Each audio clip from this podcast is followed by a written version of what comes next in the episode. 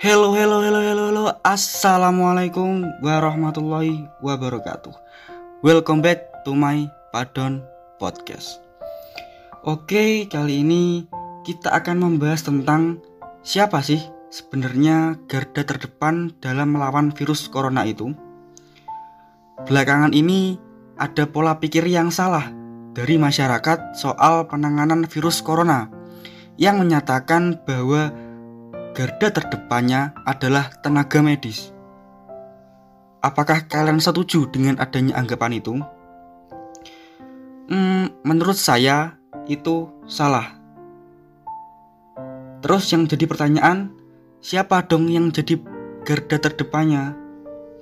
Nah, yang jadi garda terdepannya adalah kamu. Iya kamu. Kamu yang mendengarkan podcast ini.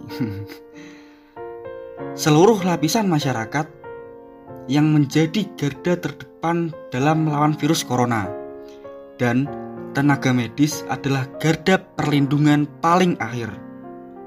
Loh, kok bisa gitu? Alasan saya menyatakan bahwa masyarakat adalah garda terdepan karena yang paling penting dalam hal penanganan virus corona adalah bagaimana cara menghentikan penularannya. Oke, saya tekankan lagi bahwa dalam hal penanganan virus ini, yang terpenting adalah bagaimana cara menghentikan penularannya. Kita menggunakan analogi mencegah lebih baik daripada mengobati. Dalam hal ini, masyarakat mendapatkan tanggung jawab yang sangat besar untuk memutus mata rantai penyebaran virus ini dengan mengikuti anjuran yang diberikan oleh pemerintah, seperti rajin mencuci tangan dan melakukan physical distancing.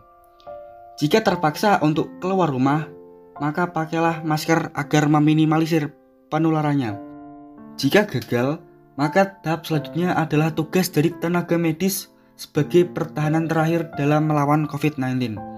Tapi yang perlu digarisbawahi bahwa pertahanan terakhir tidak akan bekerja maksimal jika masyarakat masih menyepelekan protokoler kesehatan yang dianjurkan oleh pemerintah. Karena beban tenaga medis akan semakin berat jika pasien yang positif COVID-19 menjadi bertambah.